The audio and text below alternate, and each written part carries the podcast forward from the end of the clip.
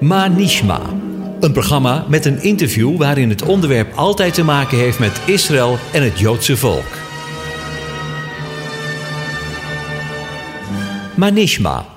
Dat wil zeggen, hoe gaat het ermee? Of wat hebben we gehoord? De presentatie is in handen van Jack van der Tang.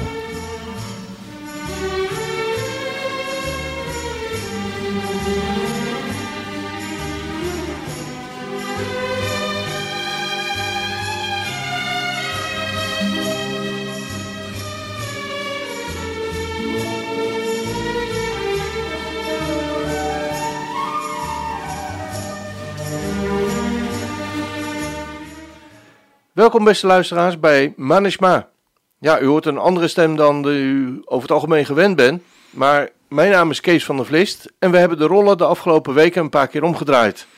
Ik wilde wel eens weten hoe het allemaal met het leven van Jack en eh, de weg die de Heere God met hem gegaan is, eh, hoe dat verlopen is in de afgelopen jaren.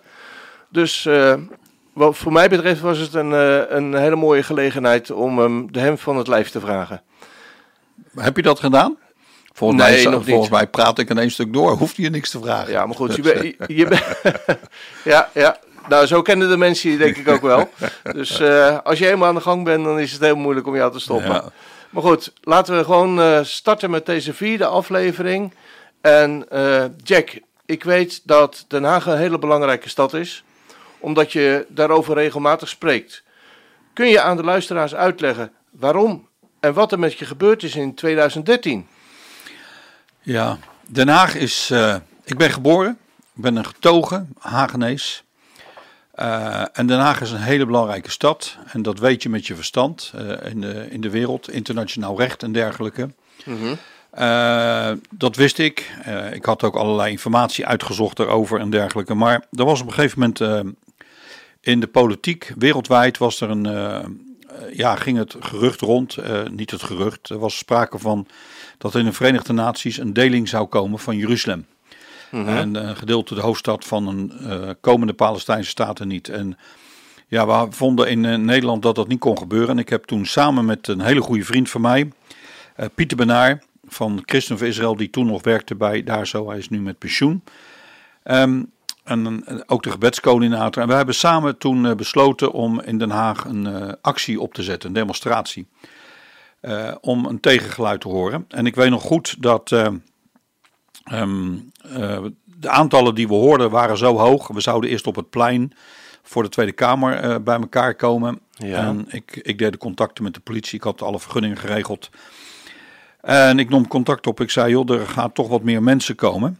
Ehm, en toen eh, hebben we met elkaar gesproken. Ze zeiden, ja, dat kan niet op het eh, plein, dus het moet naar een andere locatie. Toen wilden ze ons naar het Malieveld sturen en daar weigerde ik. Want ik wilde absoluut in de binnenstad zijn en ik wilde me niet weg laten zetten op het Malieveld. Waar je niemand je ziet en eh, je- je dingetje kan zeggen en dan hoort toch niemand het. Toen mochten we naar het plein, dat kan nu niet meer. Dus nu moet je bij grote groepen naar het Malieveld. Maar dat was voor het stadhuis. Ja. En op een of andere manier triggerde mij dat. En ik had het gevoel dat God dat had laten gebeuren. En dat het niet alleen logistiek was. Ik, had, ik ervoer echt, dit heeft een veel diepere inhoud. En eh, ik ging daarover bidden. En ik weet nog goed dat eh, ik aan het bidden was. En normaal zit ik op mijn knieën of ik zit gewoon in de stoel. En soms loop ik. Maar ik lag toen. En, ehm, Liggen? en toen, ja, ik lag te bidden. Waar en, deed je dat? eh? Waar deed je dat? Eh, bij mij thuis was dat. En ehm, terwijl ik aan het eh, bidden was, ehm, en ik aan het bidden was ook over het feit van waarom Den Haag het stadhuis, toen eh, gebeurde er iets en ik begon ineens, er kwam als het ware een wolk over mij en ik begon vreselijk te huilen. En ik hoorde toen een stem in mij, niet een hardop stem, maar echt een hele duidelijk hoorbare stem in mijzelf. Ik ben toornig op jouw stad, omdat jouw stad, en hoor je het, jouw stad, Ja. de beloftes heeft gestolen van mijn stad Jeruzalem. En, eh, en dat kwam zo hard binnen. En als je zo'n ervaring hebt gehad, zo'n supernatuurlijke, bovennatuurlijke eh, ervaring, dan kan nooit iemand meer Mhm. Dat van je eh, afnemen, van je afnemen want dat, dat, dat is in je hart gebrand. En dat heeft heel duidelijk gehad. Het was voor mij ook heel bijzonder ehm, dat dat ik eh, die ervaring had. We hebben toen een hele bijzondere tijd gehad. En om even door te gaan, ook daarover was. Want, want dat heeft allemaal met Den Haag te maken. Mhm. Eh, we hadden alles perfect geregeld. Eh Christen van Israël was daar een hele belangrijke factor in. We hadden een heel groot scherm, we hadden elektriciteit, alles geregeld. En na afloop zouden we vanaf het stadhuis rond de Tweede Kamer lopen en dan Ja. weer terugkomen. Mhm. En ik liep voorop, ik had een megafoon. En eh, nou, ik vind dat echt zo helemaal niks voor mij met een Nee. megafoon lopen op Nee, straat. nee, nee. Ehm, en ik, liep, ik weet nog goed dat ik langs het torentje liep. En Mhm. eh, het was, eh, wanneer was het eigenlijk? Ik weet niet meer wat voor dag het Nou, was. wat, wat riep je door die telefoon? Door, door die, Die megafoon. megafoon Eh, ja. ja. het ging Ja. over Jeruzalem, maar ik, ik Ja. heb meer gebruikt ook voor praktische aanwijzingen. Ik ben niet zo. En er was iemand met een shofar, die kon ongelooflijk mooi blazen. Dus Ja, die liet ja. ik elke keer voor de megafoon blazen. Ja, ja. En ehm, ja, dat, dat vind ik echt helemaal niks om met zo'n ding te lopen. Nee, nee. Maar Zo ik, ken ik je ik ook. werd echt een beetje depressief. Weet je dat? Ik dacht, wat ben ik in vredesnaam aan het doen? Begonnen. Ja, Er is niemand die naar ons luistert. Het waren 2500 man, dat is echt een hoop. ja. Eh, dit is echt zonde van mijn tijd. Dat overviel mij echt heel erg. Mhm. Na afloop eh, we waren klaar, we hebben afscheid genomen. Ik heb nog even met eh, Pieter Benaar koffie gedronken. En, en daarna zou ik nog koffie gaan drinken, ook bij de ambassadeur. Mhm. Maar wat was er gebeurd? Twee weken later Ja. zouden wij ook een demonstratie doen in Brussel. Bij? Bij, voor het Europees Parlement. Op eh Luxe, plein Luxemburg, de Luxemburg. Ja. En Met dat, ongeveer hetzelfde doel? eh, ja, precies hetzelfde. Eh, en dat was echt een initiatief wat bij mij vandaan kwam. Eerst zei Ja. Pieter, dat doe ik niet mee. Voor mij is het alleen Nederland. En later belde hij me op. Nee Jack, samen uit, samen thuis. Dus ik ga met je mee. Ja. En dus Christen van Israël had alles weer geregeld. Een, een podium, die had geregeld eh, datzelfde scherm, een aggregaat. Nou, het is fijn om zo eh, met elkaar op te trekken, denk Ja, ik, hè? dat was echt, echt heel bijzonder. Ik was Ja. ook een van de sprekers. We hadden toen in Luxemburg 800 man. Mhm. De Belgen bleven een beetje weg, eerlijk gezegd. En ik had echt datzelfde. Dit is zo zonde van de tijd. Er is niemand die naar ons luistert. Er is niemand die geïnteresseerd is.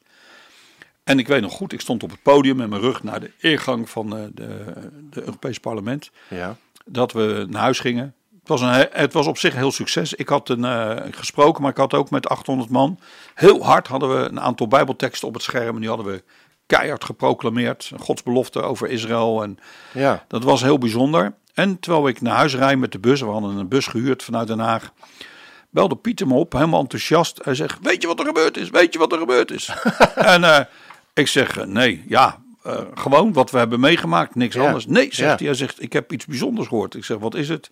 Hij zei, eh, er is een, een brand geweest in Brand? het Europees Parlement. Geen grote brand, Nee. maar genoeg om de mensen allemaal naar buiten te sturen. Dus al die mensen zijn naar buiten gekomen en die hebben ons gehoord, die hebben geluisterd. Ehm, hij zei, en het bijzondere is dat ze zijn bezig met elektriciteit. En de elektriciteitsbedrijf heette Elia.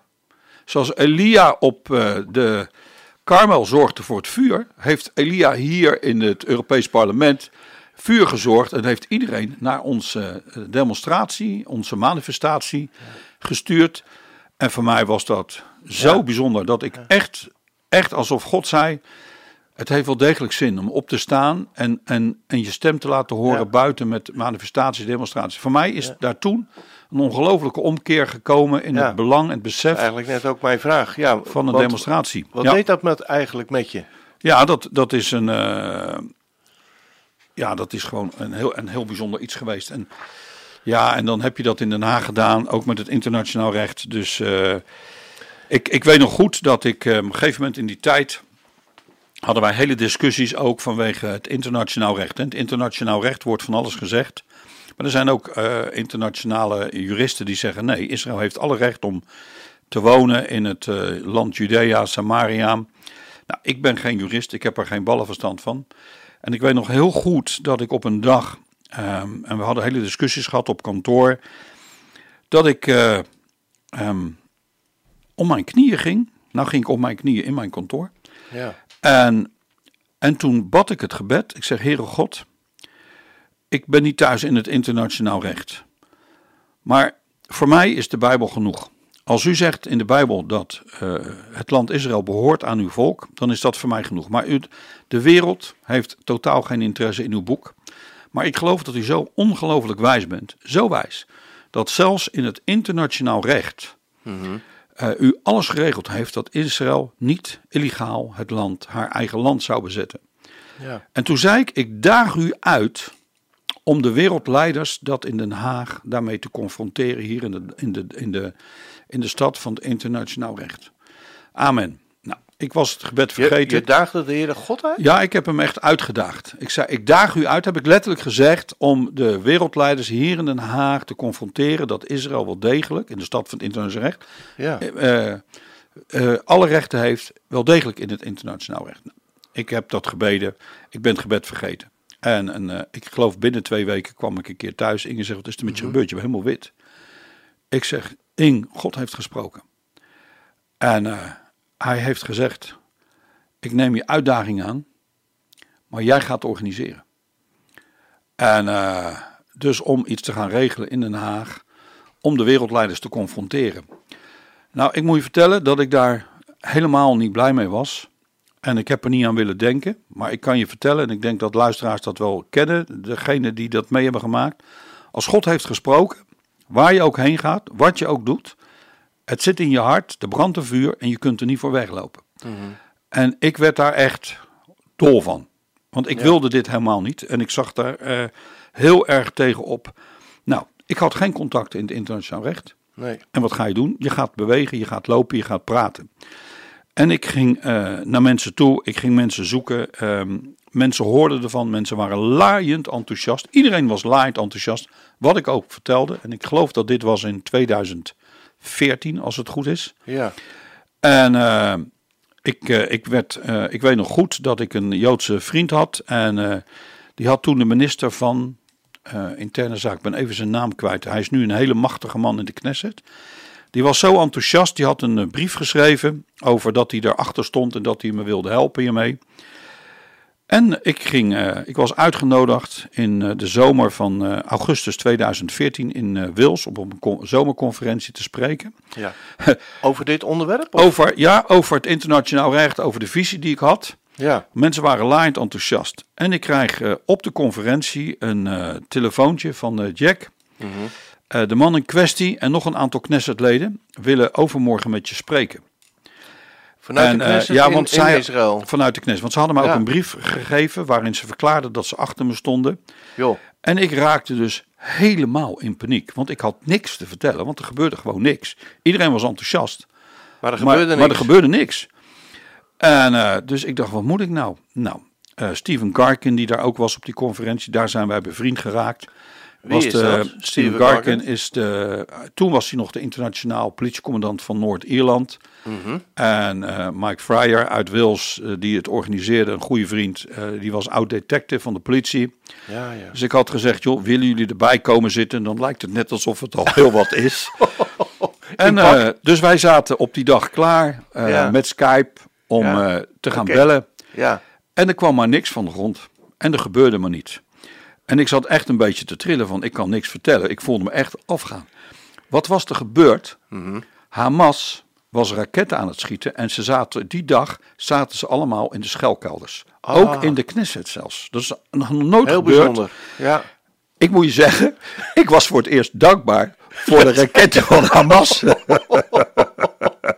ja. het, het, het, dus dus dat, was, dat was wel heel apart. Maar ik ben naar, eh, naar Brussel geweest. Ik heb daar met mensen gesproken. In Israël, Israël waren ze laaiend enthousiast. In Engeland ben ik geweest. Daar heb ik een, een, een internationaal advocaat die helemaal erachter stond. Die me wilde helpen. Ja. Maar ik had ook geen ene cent. Het was echt hopeloos. Ja. Ja. Ehm, en wat deed, je, wa- wat deed dat, dat weer met je? Wilde je niet stoppen met, eh, met de visie? Denk je, ja, weet je, ik, ik, mensen zijn wel enthousiast, maar nou, ik, ik kom er niet verder. Ik heb geen geld. Eh, ik kan me voorstellen dat dat eh, nou niet echt opbouwend en, en geloofwaardig is. Nou, Ook voor mensen om je heen. ik, ik heb eigenlijk continu gedacht, hoe ga ik hier uitkomen? ja. Ik, ik Hoe red ik me mezelf echt- hieruit? Ja, ja, ja. Ja. En eh, ik, ik zat daar vaak over na te denken en ik, ik was soms echt hopeloos. En ik, op een dag zat ik in mijn kantoor en ik word toch ineens enthousiast. ik had het gevonden. Vanuit het niets? Vanuit het niets word ik enthousiast. Want ik zat echt te denken, hoe, hoe, wat moet ik nou verder? Ja. En ineens dacht ik, maar dit is volgens mij helemaal niet bijbels. Dus ik zeg in gebed, en ik echt heel serieus, ik was aan het bidden. Ik zeg, vader, even heel duidelijk, ik wil alleen maar dingen doen die bijbels zijn, die in de Bijbel staan.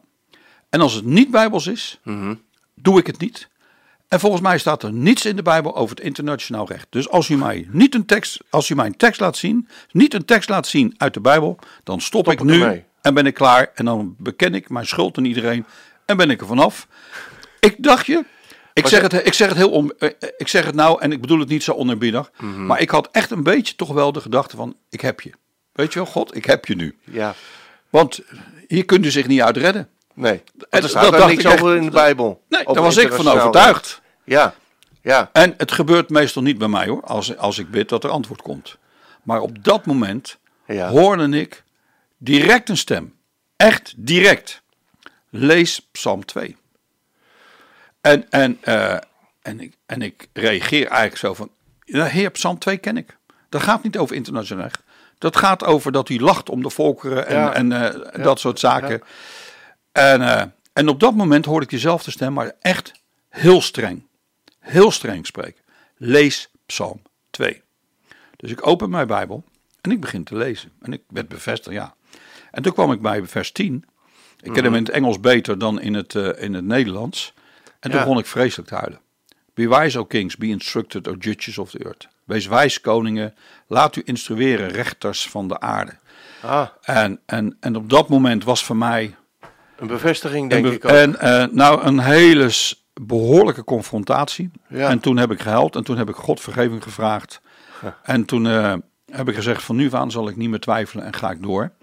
En het eerste wat ik die dag heb laten doen, ik heb een hele grote banner laten maken. Die hangt nog steeds in onze zaal. Ah. Waar die tekst op staat. En als ik een, eh, soms en regelmatig had ik een moment weer van twijfel. Ja. Dan liep ik naar de zaal en dan ging ik daarvoor staan. En dan las ik hem hardop en dan zei ik, heer, ik ga verder. Ik wil niet twijfelen. Want dat, dat gebeurde wel regelmatig. Je bent wel heel- Ja. aan de andere kant wel, ondanks zeggen dat je zegt dat je heel veel twijfel, vind ik je wel een hele radicale man. Ik ben radicaal, maar ik heb ook mijn Ja. twijfels hoor. Want kijk, je hoort nu de dingen die ik meemaak eh, heel snel achter elkaar. Ja. Maar als je het hele proces meemaakt, wat jaren heeft geduurd, is het toch wel wat anders. Want eh, de stem van God horen is voor mij vaak een worsteling. En, Hmm. en eh, je hoort hem niet altijd. Als ik mensen hoor die om het minste of geringste de stem van God horen, ik heb daar echt mijn moeite mee. Ja. Ik, ik, ehm, ik, ik heb daar echt mijn vraag over. Of dat echt de stem van God is. Ja. Ik wil er verder niet over ik, oordelen. Ik wilde dat eh, wel aan je vragen, ja, inderdaad. Want eh, het, in, in de verhalen die je tot nu toe allemaal verteld hebt, komt het er mij, maar misschien ook de luisteraars wel heel veel voor, dat, dat jij een soort open lijntje hebt met de Heere God. En eh, als je dan iets vraagt, dan, eh, dan gebeurt dat Ik, eh, loop soms, ook. ik liep soms weken op het strand te bidden, Ja. vasten, te zoeken voordat ik de stem van God hoorde. Dat ik Ja. erg liep te worstelen. Ja. Ja. Dus de, en, en ik vertel natuurlijk alleen het moment dat ik hoor. Maar ik vertel, Ja. het is natuurlijk heel saai om al die dagen te vertellen. Toen liep ik op het strand, niks gehoord. Toen liep ik op het strand, weer niks gehoord. Dus dat doe je niet. Ja, dat scoort niet. Dat- Nee, nou ja, het nee, scoort niet. Nee, dat, Nee, dat, dat, nee. dat vertel je niet. nee. Maar dat ik mijn aanvechting heb gehad. Ja. In ieder geval, na, dit, na deze eh, ja, ervaring Mhm. eh, wist ik, oké, eh, hoe nu verder, hoe moet ik het Ja. invullen? Ja. Een gebed is de sleutel. En toen heb ik eh, met mijn team gesproken en toen hebben wij eh, besloten om drie internationale gebedsconferenties in Den Haag te gaan organiseren. Waar? Hier in ons gebouw. Wij zaten hier. Antikraak, het grootste gebouw van Nederland, van een christelijke organisatie. Ja. Ik weet nog goed dat een vriendin een keer zei: Jack, ik zou helemaal paniek raken in zo'n gebouw. Zoveel ruimte, zoveel alles. En jij loopt er doorheen en jij ziet overal je mogelijkheden. En, en misschien is dat Ja. een zakelijke achtergrond. Maar goed, ik ging ook door het gebouw heen lopen en ik zag van alles gebeuren. En Ja. ik heb met de eigenaar gesproken en we hebben het gebouw verbouwd, drie jaar lang, steeds voor die dagen. En eh, we hadden 40 bedden. Dus er konden 40 gasten, eh konden hier slapen. In Ik dit had een groot, hier. Ik had een grote, we hadden beneden hebben we een eh, groot restaurant gebouwd met een grote keuken. Oh. Alles werd ingevlogen als het ware van een huurbedrijf, Ja. verhuurbedrijf. En, ehm, en dat hebben we gedaan. Maar hoe kwam je dan aan de geld, bijvoorbeeld? De mensen moesten betalen. En daarmee betalen was het kostendekkend. Het is Ja. niet dat we daar iets aan overhielden. Nee, nee. En toen kwam 2015. Mhm. En eh, ja, toen gingen we als eerste echt gebeden, ook voor het programma. En, maar we wilden ook niet te veel. Ik had een paar mensen waar ik het mee deed, samen het leiderschap. Omdat ik Ja. altijd hou van samenwerking. Ja. Hadden we een bus gehuurd, zijn we met de bus naar het Vreespleis gegaan. En later zijn we naar de ICC gegaan. Dat zat nog in een ander gebouw, het Internationaal Strafhof. Ja. Waar we gebeden hebben, waar iedereen geknield heeft, de chauffeur geblazen is voor het gebouw. We hebben bij het Vreespaleis hebben we een tijd van gebed gehad en ook de Ja. geblazen. Maar eh, waar kwamen alle mensen dan vandaan die uit- op de conferenties? Ik denk, ik weet Waren niet... dat alleen maar Nederlanders? Of Nee, ik denk dat wij uit twintig landen of zo mensen hadden. 20 landen. Twintig landen. En, Ja. we, en we waren natuurlijk niet zo'n hele bekende organisatie. Nee. Nee. En, eh, en ja, op het laatst was er zoveel gebeurd die drie dagen. Dat ik weet nog goed dat. eh, ik dacht, als ik nu de mensen aan de afsluiting ga vragen voor getuigenissen, dan Mhm. hebben wij nog twee dagen nodig. Ja. Toen heb ik iedereen gevraagd om wat op te schrijven. Mhm. En omdat ik de enige was die Nederlands en Engels eh, kon lezen, Ja. eh, ging iedereen eten. En toen ben ik eh, in mijn kantoor alles doorgaan zitten lezen. En daar kwamen eigenlijk twee getuigenissen uit waar, die mij raakten. De rest heb ik, ik heb ze allemaal nog in mijn kast liggen. Mhm. En daar kwam uit één iemand in het Engels die schreef over het beeld, over het Vreespaleis. Want het Vreespaleis, Ja. dat was de sleutel. Ja. Het Vreespaleis, eh dat is misschien wel goed om te zeggen voordat we dat vergeten, is het hoogste gebouw in de wereld, het hoogste gerechtshof ter wereld. Er is geen Ja. gebouw wat hoger is. En in dat gebouw wordt ge- eh, geregeerd, eh, het gaat van de Verenigde Naties uit, Ja. maar dat gaat over beslissingen tussen landen. En als je natuurlijk leest in Jesaja 2, hè, dat de Messias komt en dat hij zal richten tussen de landen, ehm, zie je dat, daar een, dat die, die stad of die plek is gestolen Ja. van, eh, van Israël, van de Tempelberg. En het gebouw is ook volledig gebouwd. Ook als je de foto's ziet, de opening, de start, de eerste steen, is allemaal vrijmetselarij. Dus het is Wat, echt wat- een, eh, Wat is, eh, misschien weet niet iedereen wat eh vrij eh, metselarij Nou, dat is een maar- heel onderwerp waar ik eigenlijk niet te veel op in wil gaan. Oké. Want nee. als ik dat ga doen, dan. maar de vrijmetselarij is, Heel kort. is, ja, is, is gewoon een geheime organisatie. Eh, Er zitten heel veel goed, goede en fijne mensen bij, maar hoe hoger, hoe geheimzinniger het wordt. Oké. En daar wil ik het eigenlijk bij laten, Ja. even hier op de radio. Ja. Maar ik weet nog goed dat er een, eh, twee visioenen waren. Eén in het Nederlands, de andere in het Engels. Ja. En dat ging over dat zij, de een zag een paarden van boven komen. Ze zagen allemaal, alle twee, zwarte paarden cirkelen rond het Vreespaleis. Eén zag eh, in het beeld, kwamen de witte paarden van boven uit de lucht. En die gingen tussen de zwarte paarden. En, eh, en de zwarte paarden cirkelen. En er was een, een ruiter op het voorste paard. Ehm, en dan eh, verdwenen één bij één die zwarte paarden. En bij het andere beeld precies hetzelfde, alleen kwamen de, dan de witte paarden van de zijkant af. Nou, ik had nog zelf nog nooit meegemaakt twee van zulke visioenen van twee verschillende mensen die zo hetzelfde waren, onafhankelijk. Onafhankelijk De van een, elkaar. de, on- de een kon absoluut geen Engels en de ander sprak geen, eh, geen Nederlands volgens mij. Wel, dacht wel Nederlands. Nou goed, Mhm.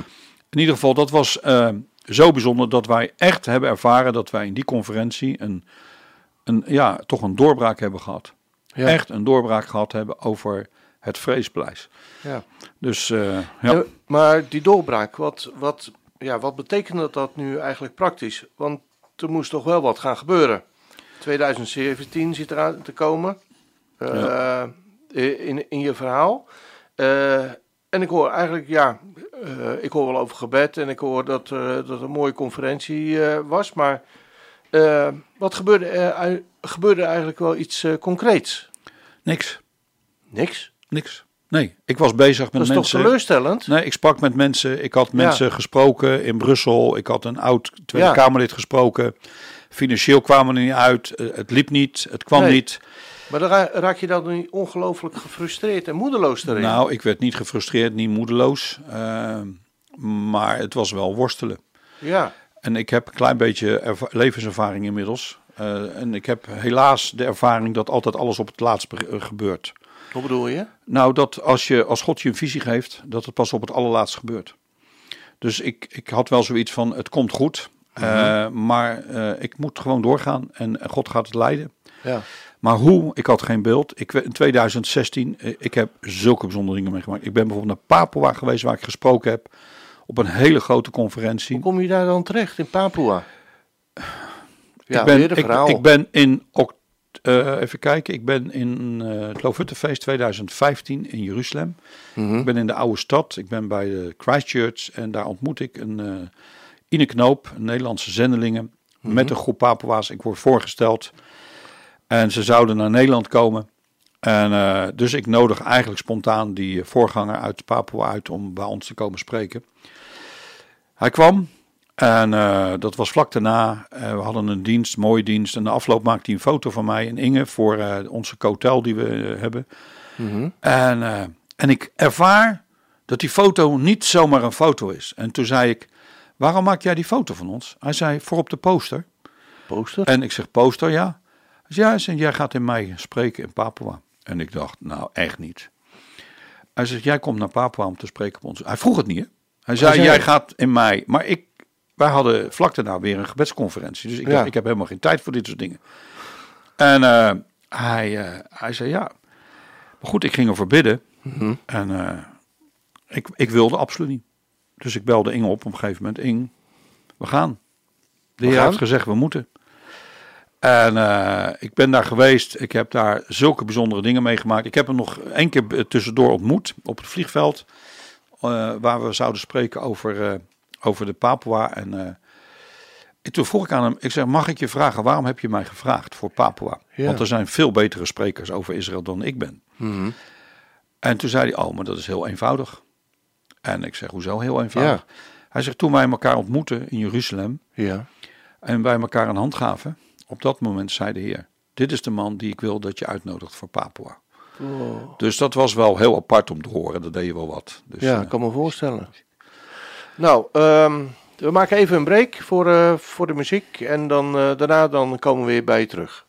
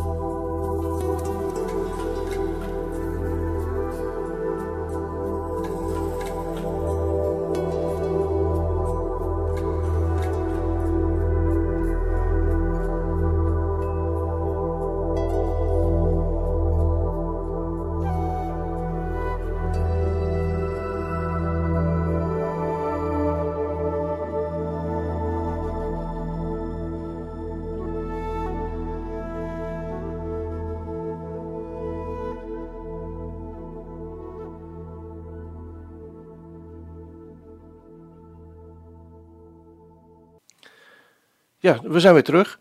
Eh, Jack, we waren bij, eh, bij het verhaal van eh, Papua en wat je daar meegemaakt hebt en dat je daar mocht spreken. Maar ik dacht ook me te herinneren dat er iets met een avondmaal was. Ja. Kun je er iets over zeggen? Nou, het, het was een heel apart iets daar zo. Je werd daar echt zo ongelooflijk geëerd als blanke daartussen. Het was heel bijzonder. Ehm, en eh, ik had daar gesproken een paar keer. Ik heb eh, later gevraagd van, eh, was alles naar je zin? Hij zei van, nou, één ding had je wel wat anders mogen doen. En, dus ik schrok. Hij zegt, je, je, je mag wel wat langer spreken hoor. Dus ik sprak een uur, maar hij wilde eigenlijk dat ik twee uur sprak steeds. Dus eh, nee, goed, Ja. dat weten we uit. Ik ben ervan overtuigd dat ik nog een keer terug ga komen daar. Ja, Maar goed, het, het was daar. Maar geval de laatste dag, er zaten een aantal duizenden, meer dan 3000 man in dat stadion. 3000. En hij vroeg of ik... In het eh, stadion? Ja, het was een, een, een eh, basketbal of een, bi- een Oké. binnenstadion. Ja, ja. En hij vroeg of ik eh, het avondmaal wilde leiden op het laatst als afsluiting. Dus ik weet nog, daar stond een heel team, ik denk 20 man of zoiets, wat dan misschien wel 30 man, wat in dat stadion zou, zou uitdelen. Dus alle, al het wijn stond daar, ze hadden daar vorige, eh, helemaal inge eh, met cupjes en zo, maar Ja. er zat plastic op, er gingen zonder, moesten mensen, ik had nog Oh ja. nooit gezien. Nee. Maar was Dus dat ik- van tevoren met je overlegd dat je het Nee, ik, zou nee leiden? niks, niks. Ineens moest ik dit en dan moest ik weer zegenen en dan moest ik weer bidden voor een groep uit een, een, een stam. En dat, dat, eh, Onvoorstelbaar zeg. en het was daar 40 graden, dus mijn, ik, moest, ik liep een pak, donkerblauw pak en ik was gewoon ook echt doorweekt. Doorweekt. Dus ik was laatst doorweekt met mijn pak met een trouw Ja, ja, buiten, maar nu binnen. In ieder geval, ik had gebeden, Mhm. opgedragen, het werd vertaald en toen ging iedereen. En eh, het duurde dus uren. En ik weet nog goed dat ik daar als enige stond vooraan. Ik mocht niet zitten. Ik stond daar echt te wachten en omheen te kijken. Het Ja. was stil, iedereen zat. Eh, Inge zat een heel eind van me weg, want er zat een heel groot plein daartussen om voor de dans. Ah, En, en ik begon te bidden. En ik weet nog goed dat. ik, gewoon, ik begon te bidden voor de Papua's. Voor de, de- ik, ik wilde hen zegenen. Ik bad voor een land. Ik bad voor een opwekking. En opeens hoorde ik, een, eh, hoorde ik de Heer zeggen: Ik heb een banier opgeheven uit Papua. En Papua zal een voorbeeld zijn voor de volkeren in de wereld. En eh, dat raakte mij zo. Dus eh, tijdens je gebed. ja, tijdens mijn gebed. Ik heb dat later gedeeld. Nou, dat stadion dat ontplofte toen met al die mensen toen ik dat deelde. Ja. Toen ik in mijn hotelkamer kwam, kreeg ik, had ik een berichtje ontvangen, een e-mail. Met iemand uit ons gebedsteam die deelde eh, dat hij in dezelfde tijd dat ik dat had gehad. Mhm. Ik dacht dat het Psalm 60 was of zo, dat er staat een banier opgeheven. Ja. Ik heb het toevallig O- vanmorgen nog gelezen ja. eh, over de volkeren. Ja. En dat dat voor Papua geldde. Dus dat vond ik heel apart. En in ieder geval, eh, op een gegeven moment komt dus de leider naar mij toe. En ze zijn wat in paniek. Want er was geen wijn meer. Er waren zoveel mensen, ze hadden geen wijn meer. En hij zegt, we hadden zelfs hadden ze mensen naar winkels gestuurd om druivensap of zo te komen. Ze konden niks kopen.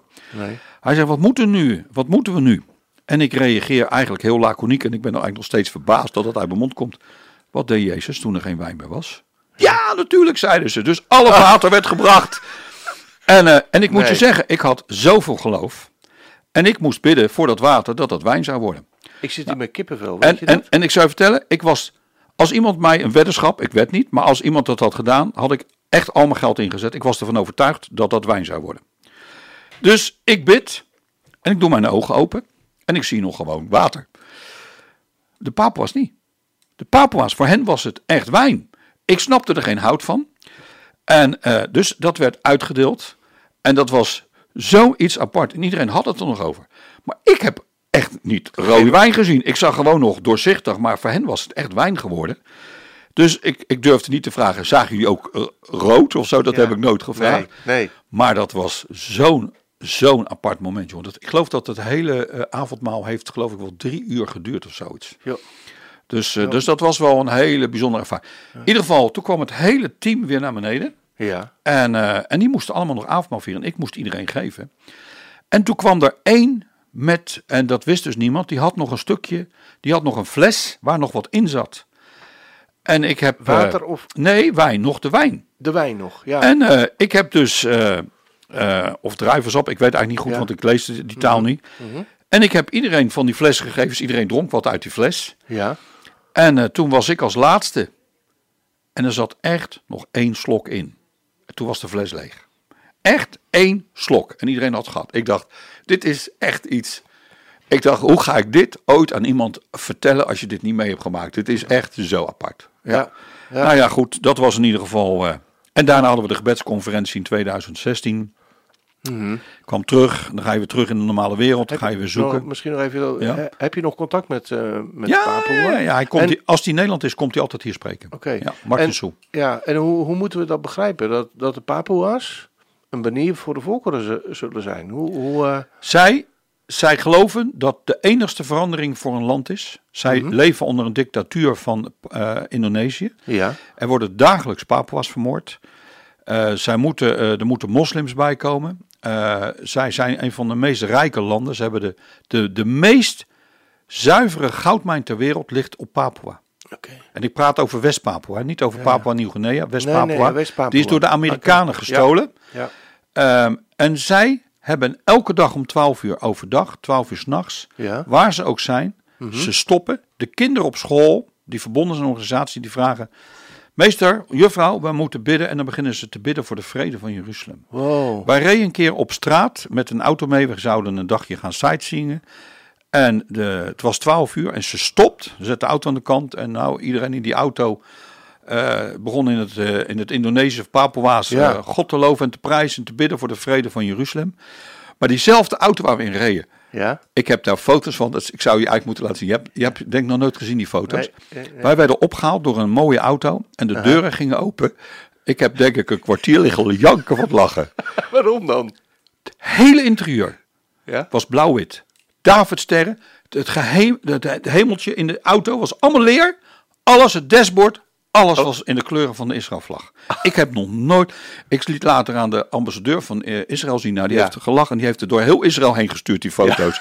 Hij zei, dit heb ik nog nooit voor beleven Nee, gezien. nee, nee, nee. Zo toegewijd. Maar zij zeggen, Ja. wie Israël zegent, wordt gezegend. Het is de enigste oplossing voor ons land. Ja. En natuurlijk ook radicaal bekering, radicaal geloven in Yeshua. Is, dat, is dat ook niet, denk ik, ook voor Nederland wel van toepassing? Ik geloof dat het absoluut een sleutel is. Ja. Als wij Israël niet zegenen, zullen wij onder een vloek leven. Absoluut. Ja. Ja. Ja. Dat heb ik wel eens gezegd op een ander radiostation. En daar werd ik toen niet meer gevraagd, geloof ik. dus, eh, maar dat, daar geloof ik in. Ja. Hey, in verband met de tijd... Mhm. ehm, ga ik toch maar even verder als je het goed vindt. Ja, ik neem ik- even... nee, neem gewoon Ik het heb- roer even over Ja. in verband met de tijd. Dat is natuurlijk Ja. mijn tekst, maar goed. Ja, nee, maar... eh, oh, waar staat dat? Maar ehm, ik heb, eh, ben gaan bidden over een Ja. team. Ja. En eh we hebben uiteindelijk in november 2016 heb ik Mhm. een team bij elkaar gebracht. En dat was bijvoorbeeld Harald Eckert uit Duitsland, Steven Garkin uit Noord-Ierland, Andras Patka uit Hongarije en Drew Tucker. Mhm. Die had ik benaderd en gevraagd of hij de kar wilde trekken over het internationaal recht. Dat hij het programma wilde maken, verantwoordelijk was voor de invulling, Voor de conferentie. voor de conferentie. En dat eh, wij dan eh, visie zouden dragen om alle praktische zaken en ook de financiën op ons zouden nemen. Ja. Eh, en, ons, en ons eigen team, ons eigen bestuur van een, latere organisatie die we opgericht hebben. En ehm, nou, toen zijn we gaan spreken ook. Ik weet nog goed dat we bij elkaar kwamen. Daar hebben we een altaar gebouwd. We hebben allemaal steen, een ongehouden steen genomen, die hebben we neergelegd. Iedereen gelooft in de visie. Ik heb mijn visie verteld. Iedereen gelooft erin. We hebben een, een, een steen neergelegd. En toen hebben we allemaal een tijd van gebed gehad. En dan hebben we ons allemaal toegewijd. Niet aan Jack van der Tang, maar echt dat de visie van God echt tot gestalte zou komen.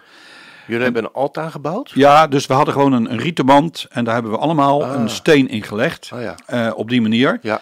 Ik weet dat Harold Eckert zei, Eckert zei, ik heb nog nooit zo'n heilig moment met een vergadering als deze meegemaakt. En die heeft heel wat vergaderingen meegemaakt. Ja. Zegt, Heilige Geest was zo aanwezig. En eh, Ja. nou, een van de, eh, van de dingen was, dat is wel heel apart om te melden. Mhm. eh, wanneer gaan we het doen? En ik zat steeds te denken aan 6 en 7 juni 2017. En toch had ik daar geen vrede over. En, eh, want 6 en 7 juni, eh 6 juni, de Zesdaagse Oorlog. en 2017 zou het exact 50 jaar zijn nadat Jeruzalem in handen zou komen, was gekomen Ah, Was van gekomen, Israël. Ja. Ja. En dat is natuurlijk 50 jaar, jubeljaar, heel bijzonder. ja. Maar ik had daar geen vrede over. En eh, wij hebben daarover gesproken en over de datum. En toen, ik geloof dat eh Andras zei, zegt Jack, volgens mij staat er iets, eh, is er nog een andere datum die heel belangrijk is. En ik zei, nou, ik heb wat op mijn bureau liggen. Dat lag er al maanden, die datum. Dus ik hou het mee. Dat had ik van de Knesset-website afgehaald. En dat was 28 juni. 28 juni 1967 is een datum die niemand weet. Eh, of, of niet bekend is. Maar dat is de datum dat Jeruzalem, de, de, zeg maar het bestuur van Jeruzalem besloten heeft over de eeuwige durende grenzen van de stad Jeruzalem. Dat is besloten op 28 juni. En eh, dus ik, ik zei dat. En toen vroeg ik aan Andros, ja, ik, ik, elke keer word ik met deze datum bepaald. Ik zeg, maar wat vind jij? Ja. Ik zeg, waarom, wordt die datum, waarom kent niemand die datum? Jack, die datum is levensgevaarlijk. Iedereen is doodsbang om zijn handen te branden, om iets te doen op die dag. Omdat het zo, zo belangrijk is. En ik schoot in de lach. Ik zeg, dan is dat de datum die God wil dat wij gaan gebruiken. Dus wij hebben die datum besloten. En eh, dan eh, zou dat later gebeuren. In die tussentijd, eh, en, eh, Andrew Tucker zou contact nemen met de directeur van het Vreespaleis om daar te kijken of we een zaal konden huren. En In Toen- het Vredespaleis. in het Vreespaleis, ja, als we gaan, Je dan doen we wel dat, wat. durven. En Ja. in ieder geval, eh, er was ook nog steeds geen geld trouwens. Ehm, maar toen kwam ineens Christen voor Israël met de grote menorah. En die Ja. besloten om naar Den Haag te gaan. Mhm. En die besloten dat om dat voor het Vreespaleis te doen. En dat vond ik natuurlijk heel bijzonder. Ja. En, eh, maar goed, ik werd er eigenlijk niet voor benaderd of wat dan ook. Mhm. Totdat ik ineens een telefoontje kreeg van Robijn eh, Katsman uit Den Haag. Ja. En die vroeg of ik langs wilde komen. En eh, we zitten een praatje te maken. koffie Voor een kop koffie. Ja, Ja. en eh, hij zei, eh, hoe ver bent u met uw speech? Dus ik kijk hem aan, ik snapte hem niet. Ik zeg, wat bedoelt u met uw speech? Nou, bij het Vreespaleis. Hoe is hij dat Ik dan? zeg, nou, hij regelde dat samen. Want dat deed Ah. ze altijd in overleg met de Joodse gemeenschap, van Israël. Ja. Hij zegt, bent u dan nog niet benaderd? Ik zeg, nee, niemand heeft mij wat gevraagd of gezegd. Oh, hij zegt, maar ik wil, ik wil Jack, dat jij gaat spreken, 28 december, eh, bij de, bij, voor het Vreespaleis. En als je nou nagaat, eh, 28 dat december. 28 december eh, 2016 heb ik gesproken voor het Vreespaleis. En met allemaal dan? hooggeplaatsten. Het was een heleboel mensen waren daar. Ik heb er ook geholpen. Ik heb koffie geregeld nog voor de organisatie. En, eh, maar even tussendoor. 28 december was exact zes maanden Voor. voor 28 juni. Ja. Wie heeft dat ooit kunnen plannen? En eh, voor mij was dat echt, het was voor de hekken. En toen ik daar stond was het echt van, heer, ik sta nu voor de hekken. De volgende keer ben ik achter de hekken, zal ik spreken. Dat had ik echt heel duidelijk. In de hekken. Ja. En ehm, ehm, in ieder geval, eh, we hadden nog steeds geen datum. Eh, de tijd verstrook. Andrew Tucker die zou afspraak maken, want ik kende de, de directeur van het Vrijspleis. Gebeurde niks, gebeurde niks. Ik kreeg het op mijn stuipen. Ik zat Andrew achter zijn volle naam. Ehm, wij, wij waren hier heel heftig aan het bidden. Elke zondag geloof ik zo'n beetje baden we hier met een groep. Ja. En ik weet dat ik op een dag aan het bidden was. En op dat moment dat ik aan het bidden was, kreeg ik een visioen. En dan lijkt het ook weer, Jack krijgt Ja. weer een visioen. Echt alsjeblieft. Ik ben niet de man van de visioen en de dromen. Ik ga het wel vertellen, maar dit is over een lange periode. Ik kreeg een visioen en ik zag een groep eh, advocaten staan voor het hek van de, het Vredespaleis. Allemaal keurig een pak, aktentasje. En ik stond achter de groep. Maar ze werden niet toegelaten. Dus ik loop om de groep heen in mijn visioen. En ik kom bij het hek. En aan de andere kant staat het hoofd van de beveiliging. En die vraagt aan mij: In wiens naam komt u? Een aparte vraag. In wiens naam komt u? Ik zei: Ik kom in de naam van de koning der koningen. En op dat moment eh, heb ik een sleutel en ik open het hek. En eh, toen was visioen voorbij. Dus ik was zo overdonderd over die ervaring die ik had gehad. Dat ik dat vertel aan de voorbidders waar we mee aan het bidden waren. En toen zei een van de voorbidders: Jack, heb je in de gaten wat er in het visioen was? Ik zeg: Wat dan? Hij zegt: had toch de sleutel? Jij opende het hek. En ik dacht: Ja, verrek. Het was nog eens tot me doorgedrongen. En eh, jij bent de enige die afspraak kan maken in het Vrijspleis. Niemand anders. En toen gaat het niet lukken. Nou, ik had geen idee. Ik denk, heer, als dat echt zo is, ik ga Endo niet bellen, ik ga hem niks vertellen. Dan moet u het echt eh, laten gebeuren. Binnen twee weken belde Andrew op. Jack, wil jij alsjeblieft een afspraak maken? Ik krijg het niet voor elkaar. Jij woont in Den Haag. Het is veel makkelijker. Het lukt mij echt niet. En de tijd dringt. We zitten eigenlijk al wat veel te kort. Ik bel gelijk naar het Vrijspleis op. Ik krijg direct de juiste persoon aan de lijn.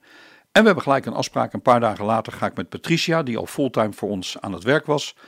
ehm, gaan we erheen. En eh, dus we vertellen wat we willen doen. Ik vertel natuurlijk wat politiek correct. Eh, ik zei ja, ik zeg iedereen zegt altijd maar van eh, Israël heeft, gaat in tegen het politiek, tegen het internationaal recht. Ik zeg, Ik wil dat wel eens weten of dat waar is. Ja. Dus ik wil mensen brengen en ga er eens over discussiëren. Nou, dat vonden ze geweldig. Oké, dat is goed. En, eh, en wanneer zou je dat dan willen doen? Ik zeg 28 en 29 juni. Ja. Welk jaar? En Welk ik zeg jaar? nee, komend. Eh, weet je wel hoe lang mensen van tevoren hier plannen? Mhm. Nou, zeg ze, ik moet kijken. En op dat moment stortte mijn wereld in. Ja. Ik dacht, Jack van der Tang is nu de gevallen man.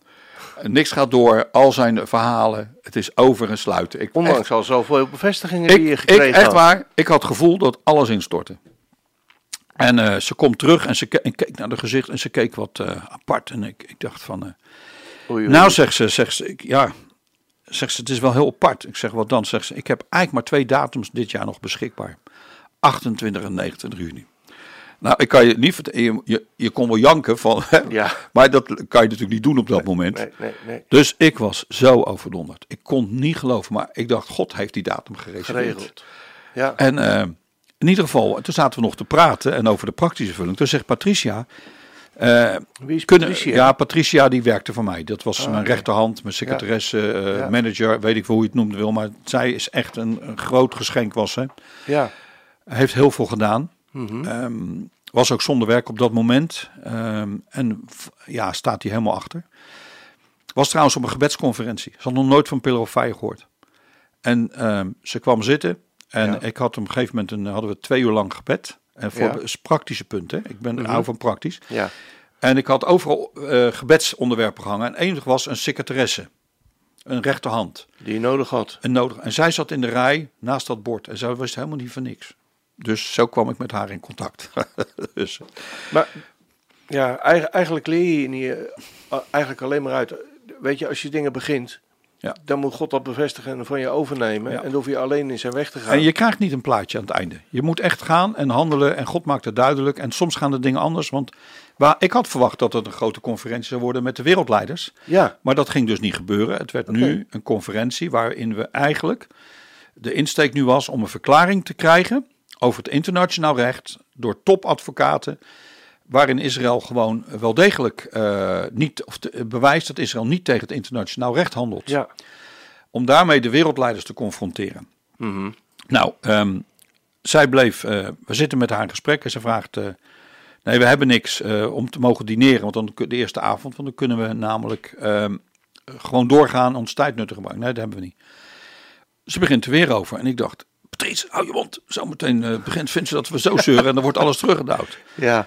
Of het- En toen vroeg ze het weer voor de derde keer. En ik werd toen een beetje boos van, Patrice, hou je kop dicht, want zometeen... eh Ja, maar wat Patrice- zegt ze van, eh, maar zij, ja, kent haar. Ja, ik ken die En, kan eh, vasthouden, hè? En toen zegt ineens zegt, degene waar we praat, nou wacht maar. En ze gaat zitten bellen, kom maar mee. Dus we gaan naar boven.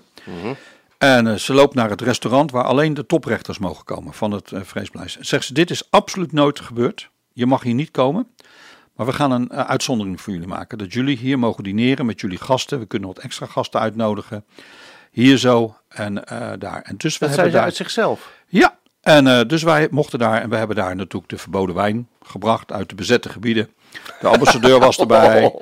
Eh, we hebben zo gelachen, was zo bijzonder was Ja, dat. ja. En ja, wat, toen, toen was er nog een ding, maar ik zie dat de tijd heel hard loopt, maar dat Ja. is wel belangrijk. We hadden een neutrale stichting nodig. Ja. Niet Pillar of Fire, maar echt een neutrale stichting. En ik was een keer bij de rabbijn geweest en die eh, had me weer gevraagd voor een kop koffie en die wilde wat delen.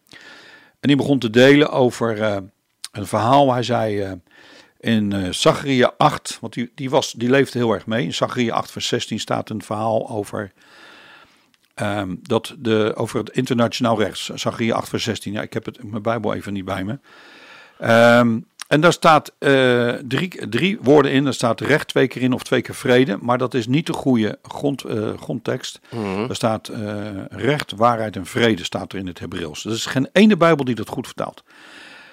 En hij zegt, er is in de Mishnah een Joods commentaar, een Joodse uitleg. Wordt er gezegd dat op basis van deze tekst de wereld is ge- gefundeerd op drie pilaren. Namelijk waarheid, recht en vrede. Hij zei, en dan is er een hele discussie over waarom drie pilaren, waarom geen vier, waarom geen twee. En dan is een, een belangrijke rabbijn die zegt dan, ja, maar als je een tafel hebt met eh, vier poten en je haalt er één poot onderuit, dan blijft de tafel staan. Maar heb je een tafel met drie poten, en die zijn er, hè, tafel met drie poten, Ja, en je haalt er één poot onderuit, dan stort valt die die in. in. En zo is het ook met de wereld. Op het moment dat een van de onderdelen, eh, waarheid, recht of vrede, er niet is, dan zal de wereld instorten. Joh, En toen zei die Jack, Den Haag is officieel de stad van vrede en recht. ja. En wat jij gaat doen, met de visie die God jou gegeven heeft, is jij gaat zorgen dat de waarheid gesproken gaat worden in Den Haag. Nou, dat heeft mijn leven zo veranderd. En ik weet nog goed, we moesten een stichting In hebben. welke zin heeft dat dat? Nou, dat was voor mij, eh, omdat ik toen duidelijker kreeg, ook waar ik mee bezig was met de visie. Dat Ja. was voor mij echt eh, heel belangrijk. Ik ben bezig om de waarheid te verkondigen. Ja, Toen ben ik, eh, zat ik in het vliegtuig. Ik weet niet meer of ik in Amerika was geweest of naar Israël. En ik was aan het bidden voor een naam. We moesten een stichting oprichten. ja. En toen zei ik, heer, ik wil een, een, een, stichting hebben, een naam uit de Bijbel die toch neutraal is. En ineens was het internationale conferentie voor, eh, eh, kijk wat is nou, voor waarheid, recht en vrede. International Conference Truth, Justice and Peace. Ah, komt En het klinkt zo mooi, zo neutraal. Ja. Maar het zijn de woorden uit Zacharia 8 vers 16. Wauw. Ja. En, en dat is het geworden. En, eh, en toen eh, zijn we aan de slag gegaan. Ja. Dus ja, als ik dit zo hoor, dan eh, moet het allemaal wel heel veel geld gekost hebben om die conferentie ook uiteindelijk te kunnen laten plaatsvinden. En hoe kom je daar eigenlijk aan, aan dat geld? Nou, dat was ook een, een dingetje. We hebben, toen ik een, een zakenman sprak en ik vertelde dat wij Patricia in dienst hadden genomen. En ik, ik vraag nooit om geld. Dat is tegen mijn principe. En die eh, betaalde spontaan de helft van haar salaris. Eh, maar goed, er kwamen allemaal giften binnen. Eh, mensen wisten het. Ehm, maar ja, hoe gaan we het doen? We, elke advocaat die wij uitnodigden, dat zijn nogal kereltjes. Ja, die hebben nogal wat streepjes. Dus ja, vliegtuig, hotel moest betaald worden. Anders kwamen ze niet. Zo werkt dat nou eenmaal in die wereld, kwam ik achter. Nou, ik dacht, ik wou dat het bij mij zo ging met al mijn uitnodigingen. Ehm, er was er één die wilde komen, die wilde pertinent business eh, class vliegen vanuit Canada met zijn eh, vrouw. En ik heb gezegd, eh, wij betalen je ticket. Maar je business class extra betaal je echt zelf. En die is toen niet gekomen. En dan, daar zakt echt wel mijn broek een beetje vanaf hoor. Van Ja. dat soort mentaliteit. ja. Maar gewoon, eh, hè. Het is, hè? Doe maar gewoon. Ja, nou dat, dat vond ik wel. En, ehm, maar het gaf, het gaf wel spanning, want Ja. we hadden geen genoeg geld. Eh, bij Andrew gaf dat, want die was bang voor zijn reputatie toch een beetje. En ik snap dat ook wel van hem. Ja, dan nodig ik mensen uit en zometeen is er ineens geen geld. Ja. Hoe gaan we dat dan doen? Ja. Ehm, en zo kwam eigenlijk ehm, de datum eh, dichterbij. We hadden nog vlak daarvoor nog, nog een gebedsconferentie. Mhm. En voor de gebedsconferentie ehm, kreeg ik tijdens een bidstond, want we hadden elke vrij, zondagmiddag een bidstond Ja, met een net. grote groep voorbidders. Ja. En toen kreeg ik weer een visioen. En dat was een heel bijzonder visioen. En ik denk dat eh, in verband met de tijd, Ja. dat ik dat eh, de volgende keer maar moet vertellen, want dat is echt ongelooflijk geweest. Ja, zoals heel veel dingen ongelooflijk geweest zijn Nou. eh, in jouw leven tot nu toe. Jawel, en ik merk elke keer dat, dat het elke keer op het allerlaatste bij jou gebeurt. Ja. Wat je ook net vertelde. Dat maakt je denk ik ook heel afhankelijk van, eh, van de Heere God in alle dingen die je doet. Maar aan de andere kant denk ik van als God zo duidelijk tot je gesproken hebt, dan... eh, ja, dan... Ja, het menselijke is dan dat we, dat we gaan twijfelen. Maar als God Kees- zo duidelijk Kees- tot je spreekt... Ik ken, Mhm. ik ken en ik ben ervan overtuigd bij jou, ook, soms spreekt God zo duidelijk. En als het dan niet gebeurt, ga je onwijs twijfelen weer. Ja. Ja. En dat gebeurde met mij ook. We gaan de volgende keer weer luisteren naar, eh, naar de rest van het verhaal, hoe het eh, met de conferentie eh, ging. In ieder geval heel hartelijk bedankt voor het eh, luisteren. Jack, jij bedankt voor het, eh, voor het spreken. Ja. En we zien uit naar, eh, naar volgende week. Bedankt. U hebt geluisterd naar Manishma.